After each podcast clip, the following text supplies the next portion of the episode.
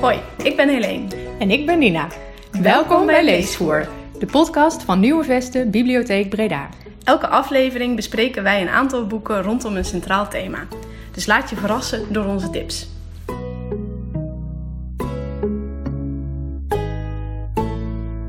Nou, welkom. Welkom luisteraars bij deze nieuwe aflevering van de podcast Lees voor Nieuwe Vesten. Uh, vandaag is Helene er niet bij, uh, maar ik zit hier niet alleen. Uh, onze collega Ralf is in deze studio. hoi Ralf. Hoi. um, ja, jij hebt al vaker hier gezeten. Ook vorige keer heb je Michiel de Vlieger geïnterviewd. Ja. Heb je met hem gesproken. Um, nou, vandaag hebben we weer een gast uitgenodigd. Namelijk Guus Welter. Guus, welkom. Ja, Leuk dat je er bent. Ja, bedankt voor de uitnodiging. Um, ja, graag gedaan. Nou ja, zometeen gaan we luisteren naar het gesprek tussen jullie twee.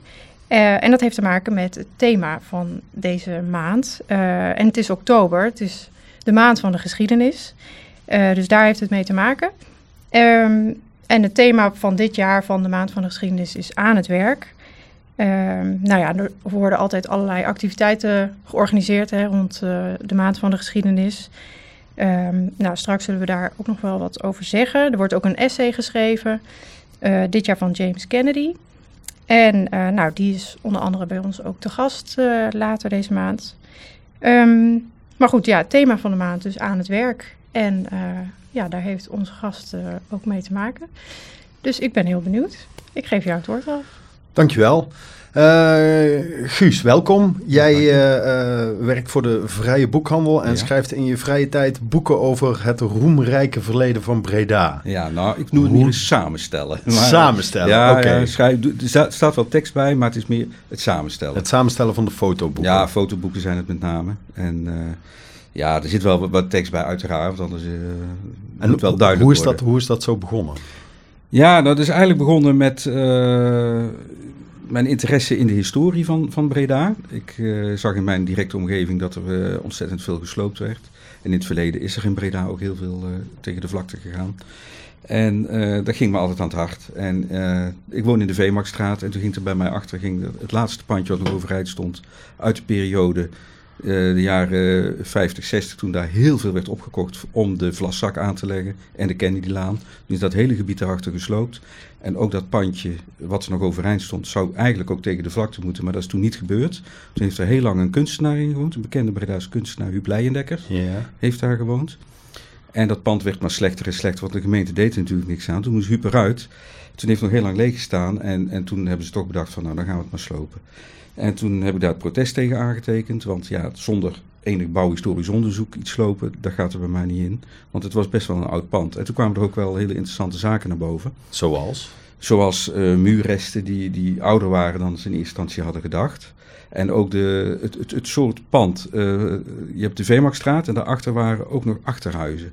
En dat is een bepaalde uh, stedenbouwkundige toestand die je eigenlijk bijna niet meer ziet in de stad. Dus dit was eigenlijk het laatste wat nou ongeveer nog zo, zo, zo was. Dus toen moest, mochten ze het wel slopen, maar ze moesten het weer in de oude staat terugbouwen. En dat hebben ze ook gedaan? Dat hebben ze ook wel gedaan, min of meer hoor. Je ziet wel duidelijk dat het nieuwbouw is. Er zijn nou twee appartementen. Het is wel mooi geworden hoor, ik zal er niks van zeggen verder. Maar er was ook een hele mooie tuin bij met heel veel groen en dat is dus allemaal weg. En dat ging mij zo aan het hart. Ik denk, ja, nou hebben ze dichtgesloopt. Ze hadden in 2005 ook al die hele mooie binnenplaats van de Bijert gesloopt, Ja. wat nu het, uh, Stedelijk Museum is. Dat was een hele mooie aanbouw van Jan Stuit uit 1934, maar het was een prachtig mooie binnenplaats. Er werden ook vaak uh, leuke activiteiten ontplooid daar. En, en dat is weg. En als je nu gaat kijken, het is een luchtplaats. Het, het ziet er niet uit, het is heel steriel met glas. En uh, ja, dat vond ik nou zo erg. Ik denk, nou ga ik een boek maken met alles wat gesloopt is in Breda in de afgelopen tijd. En dat werd, gelukkig hebben we de foto's nog. En dat uh, werd, gelukkig hebben we de foto's nog, ja. En uh, nou, dat is als, hobby. geeft de titel wel wat meer lading. Ja, dus, en het, was, het is een uit de hand gelopen hobby eigenlijk, want ik, ik maak het gewoon bij als belly. En dan één keer in de zoveel tijd hebben ze een aanbieding en dan kan je het wat goedkoper bestellen, want anders zou het heel duur zijn. En nou kon ik het aanbieden voor een, nog een, een redelijke prijs. En het is, het is leuk verkocht, dus uh, ja. mensen vinden het allemaal uh, ontzettend leuk om te zien. Het is ook te krijgen in de bibliotheek. Ja, het ligt dus ook in de bibliotheek. Ja, hartstikke inzien, leuk. kun je altijd ja, even binnenwandelen. Dus uh, mensen, als jullie interesse hebben, ga naar de bibliotheek. Maar nou, als, als buitenstaander, want ik kom niet uit Breda. Breda heeft een mooie oude binnenstad. Ja. Als ik hier naartoe rijd, het is vergelijk met Eindhoven. Ja. Dit is wel gewoon nog mooi oud. Dat klopt, dat klopt. Maar het was nog mooier natuurlijk. als ze nog meer hadden laten staan. Hè, op een goede manier. Hè, als je nou kijkt bijvoorbeeld naar die oude industrie. Alles werd maar plat gegooid. Als ze dat hadden laten staan. Dan hadden ze dat mooi, prachtig mooi kunnen integreren in het straatbeeld. Heel, heel die wijk daar in de, de Middelaan, Leuvenaarsstraat en dergelijke. Tuurlijk, er zaten slechte huizen tussen hoor. Maar er zaten ook pareltjes tussen. En die hadden ze mooi kunnen laten staan, opknappen. Dan had je een wat gevarieerder beeld gehad. Dus ja, dat is gewoon jammer. Maar nogal, desalniettemin, uh, het is nog steeds een hele mooie binnenstad. binnenstad ik woon er niet voor niks uh, al 35 jaar. Nee, het is echt een binnenstad om trots op te zijn. Ja, en als, jij, als, je, als je nou nergens naar zou hoeven kijken, hoe zou je dan de binnenstad van Breda inrichten? Uh, God, dat is een, een goede vraag. Je bedoelt in de, de bestaande binnenstad? Ja. Hè? Nou, dan zou ik in ieder geval kijken naar bij verbouwingen. Daar wordt er heel gauw tegenwoordig maar een kunststof pui in gegooid, die, winkel, die winkelpuien. Daar zou ik als eerste de gemeente op aan willen spreken. Joh, voer een puiprijs in, dat hebben ze in Den Bosch gedaan. Hè, daar worden ondernemers gestimuleerd om weer te kijken van hoe de situatie vroeger was. En vroeger had men prachtig mooie winkelpuien, er werd echt aandacht aan besteed. Ja. Hè, en nu is het van heel goedkoop, gooit er maar een kunststof of een aluminium pui in. En that's it. He, besteed daar weer meer aandacht aan. Want wij krijgen heel veel in de winkel, ook heel veel mensen, dagjesmensen, toeristen. En die zeggen van, oh, het is zo'n mooie stad. En, uh, maar het had nog veel mooier kunnen zijn. en en dat, is, uh, dat is zo jammer. He, zeg, je dat, zeg je dat er ook altijd bij? Het had zoveel mooier kunnen zijn? Nee, dat zeg ik natuurlijk niet bij. ik zeg wel altijd bij dat het jammer is dat we geen VVV meer hebben. Dat mensen komen wanhopig bij ons de winkel binnen. Dus ik, ik hoop eigenlijk, en dat zou ik een hele mooie taak vinden voor de nieuwe vesten dat er hier in, in het pand ruimte zou gecreëerd worden voor een soort van VVV. Mensen zijn wanhopig op zoek naar informatie. Het is er niet. En dan zegt de gemeente Breda, of die zegt dan maar, ja, mensen kunnen het wel allemaal op, op de social media vinden. Maar een hele generatie die vindt dat niet leuk. Die hebben liever nog contact met iemand. Hè, die zich enthousiast over de stad iets kan vertellen. Dat is veel beter ook. Een, een, stad als Breda, je schaamt je eigen bijna hè, dat dat geen VVV heeft. Een stad waar de Universiteit voor Toerisme zit, de BUAS, heeft geen VVV. Ik krijg het niet uitgelegd aan mensen. Nee, dat is, uh, dat is inderdaad een lastige. Maar misschien is daar inderdaad een mooie taak voor Nieuwe Vest of de bibliotheek. Lijkt mij fantastisch. Het zit mooi ja. centraal. En uh, wij hebben er helaas geen ruimte voor bij ons in de vrije boekhandel. Anders had ik het graag gedaan. Dat snap ik. Ik vind het leuk om over mijn stad uh, met enthousiasme te vertellen. Maar nou, nou las ik ook ergens dat je uh, vindt dat de mensen in Breda zich onvoldoende bewust zijn van de enorme waarde van de historische karakter van de binnenstad. Waarom is dat zo belangrijk? Uh, dat, ze, dat ze bewust zijn van de. Ja. Nou ja, dat er niet onverschillig mee wordt omgegaan. Er is in het verleden veel te onverschillig mee omgegaan. Nog steeds? Of want je had het net het begint over tot kenteren, 2005. Ook, in de, ook in, de, in de plaatselijke politiek begint er wel een kentering te vinden. Hoor. Je, ziet, je ziet gelukkig weer dat er interesse is om sommige dingen weer terug te brengen. Hè. Ze hebben die haven natuurlijk weer teruggebracht. In, uh, en ze gaan dat nou weer zelfs weer uitbreiden. Hè. Dus dat zijn allemaal wel, wel goede ontwikkelingen. Dus ze zien het belang nou wel in. Dat, dat dat een van de verkooppunten van Breda is ook. Hè, het historische karakter. Ja. En daar moeten we dus heel zuinig op zijn. Nou, het historische karakter, een bruggetje naar je nieuwe boek. Je nieuwe boek gaat over Warenhuis Raming. Ja. Voor de jongere luisteraars onder ons, wat is Warenhuis Raming? Ja, die zegt het niks. Nee, Warenhuis Raming is een, een, een warenhuis in 1889 opgericht Ja. door een, een Duitse meneer Raming. Dat was in de tijd dat bijvoorbeeld uh, Vromen Dreesman, uh, CNA, Peke Kloppenburg, Lampen, Hunkemuller, nou noem maar op, al die Duitse ondernemers, die kwamen naar Breda, of naar Breda niet, naar Nederland, om daar een, uh, een winkel in fournituren te beginnen. Het waren eigenlijk mensen van boerenafkomst. Die werkten op het land in Duitsland. En dan gingen ze in de wintermaanden gingen ze met spullen die ze daar uh, maakten, veel linnen en betekent, gingen ze naar, als een soort marskramer naar Nederland. En toen zagen ze dat het goed ging en sommigen zijn dus hier uh, gebleven. En zijn een winkeltje in fournituren begonnen. Zo is uh, Peking Kloppenburg begonnen, zo is, nou noem maar op, al die, al die mensen. En zo is Raming dus ook begonnen. En dan kwam er in 2019 kwam er een boek uit. Ik heb die meegenomen. Dat heet uh, Hoeden, Petten en Damescorsetten. Ja. En dat gaat dus ook over een Duitse firma, de, de, de firma Bokeren. En die hadden, was ook een, een, een, uh, een manufacturenzaak, zo moet ik het noemen. En uh, die had ook meerdere filialen. En dat was ook zo'n Duitser. En nou, toen heb ik dat boek gelezen. Was een hartstikke leuk boek. Ik denk, ja, Mijn vriendin is een klein achterkleindochter van die meneer Raming, die toen in 1889 naar Breda is gekomen. En dat is ook uitgegroeid tot een flink warenhuis. Het was destijds nog qua oppervlakte groter hier in Breda dan V&D. Dus, en eh, daar is verder niks over bekend.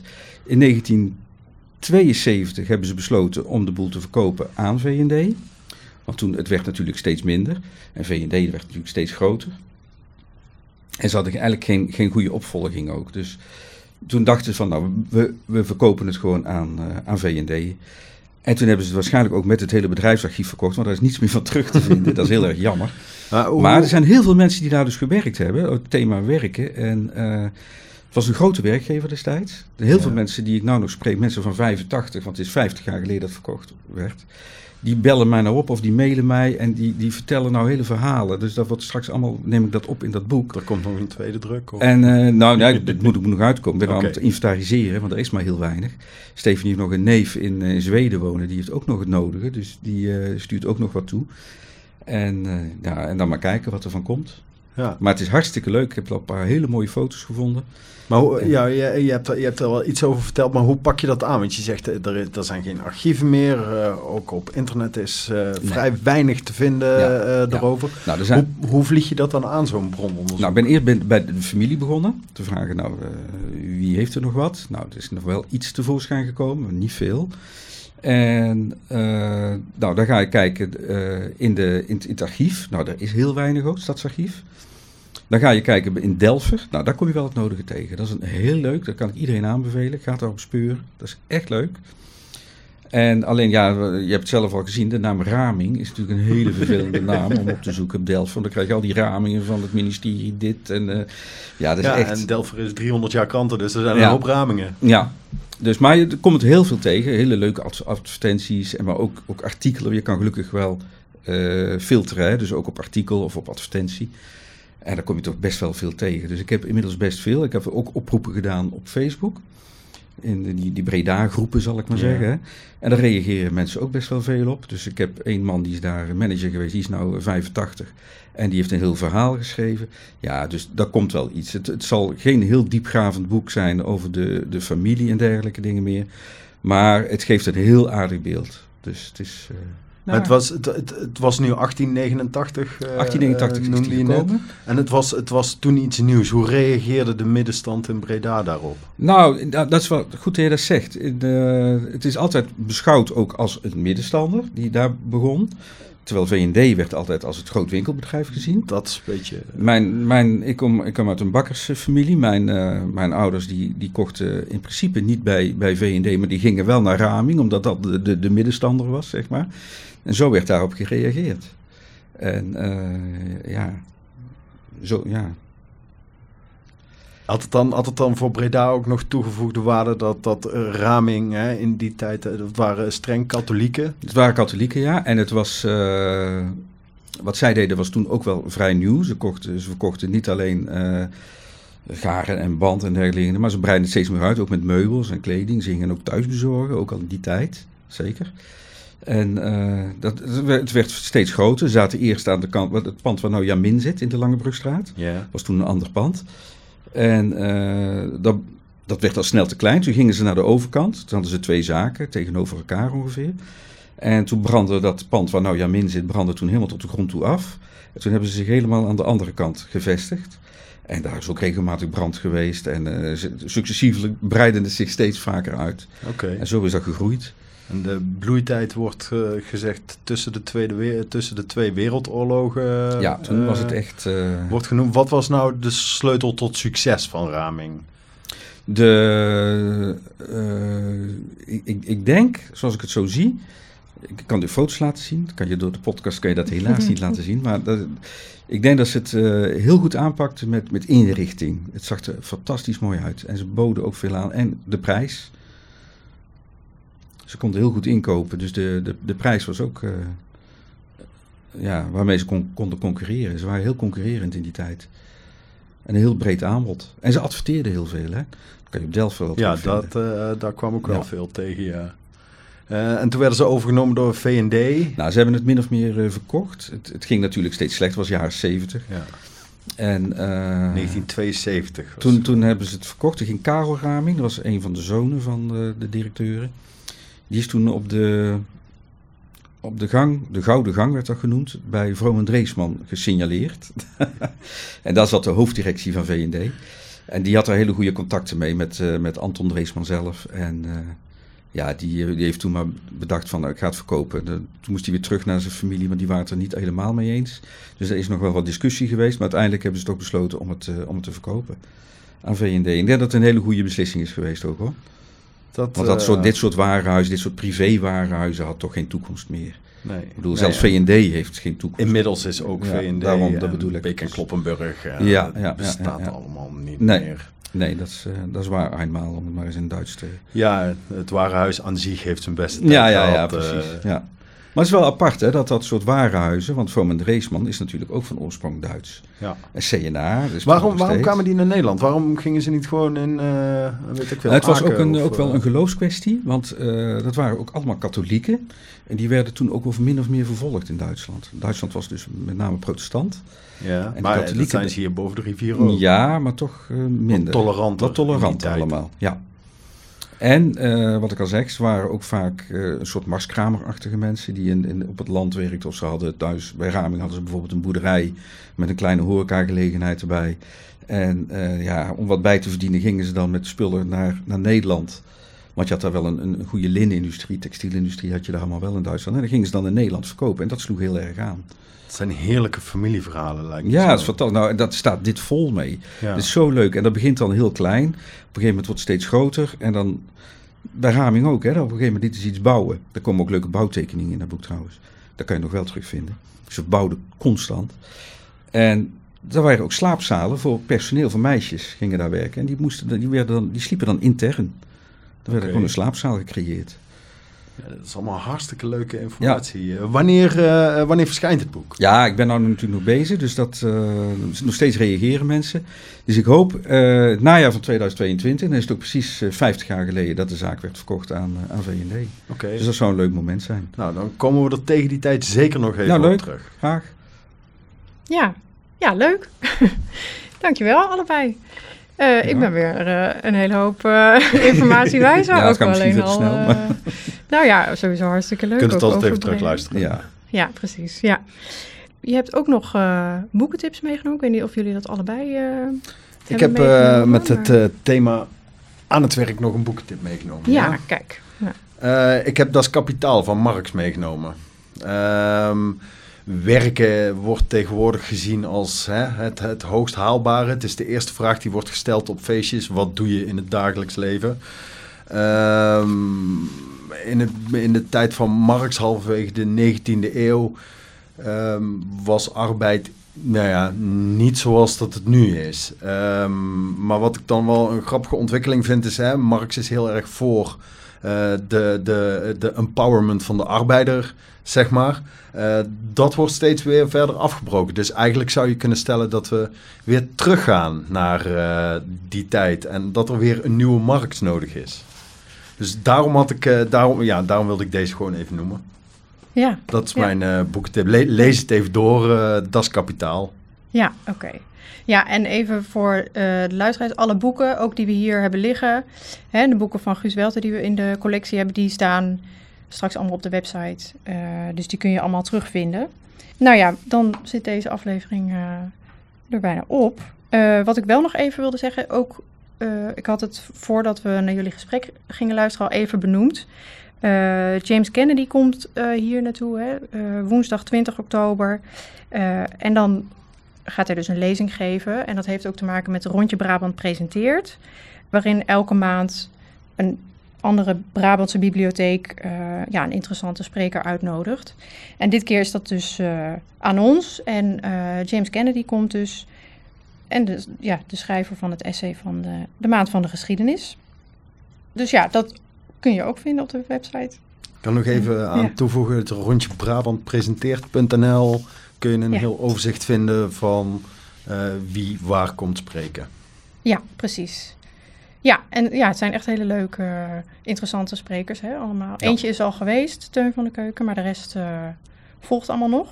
En je kan ze zowel live als uh, via livestream uh, volgen. Nou ja, en als je deze podcast terug wil luisteren, dat kan natuurlijk altijd. En ook de vorige afleveringen. Um, en op bibliotheekbreda.nl vind je dus meer informatie ook over de podcast, maar ook de boeken die we hebben besproken. Nogmaals, dank jullie wel. En, Graag gedaan. Uh, Graag gedaan. Tot de volgende keer. Tot de volgende keer.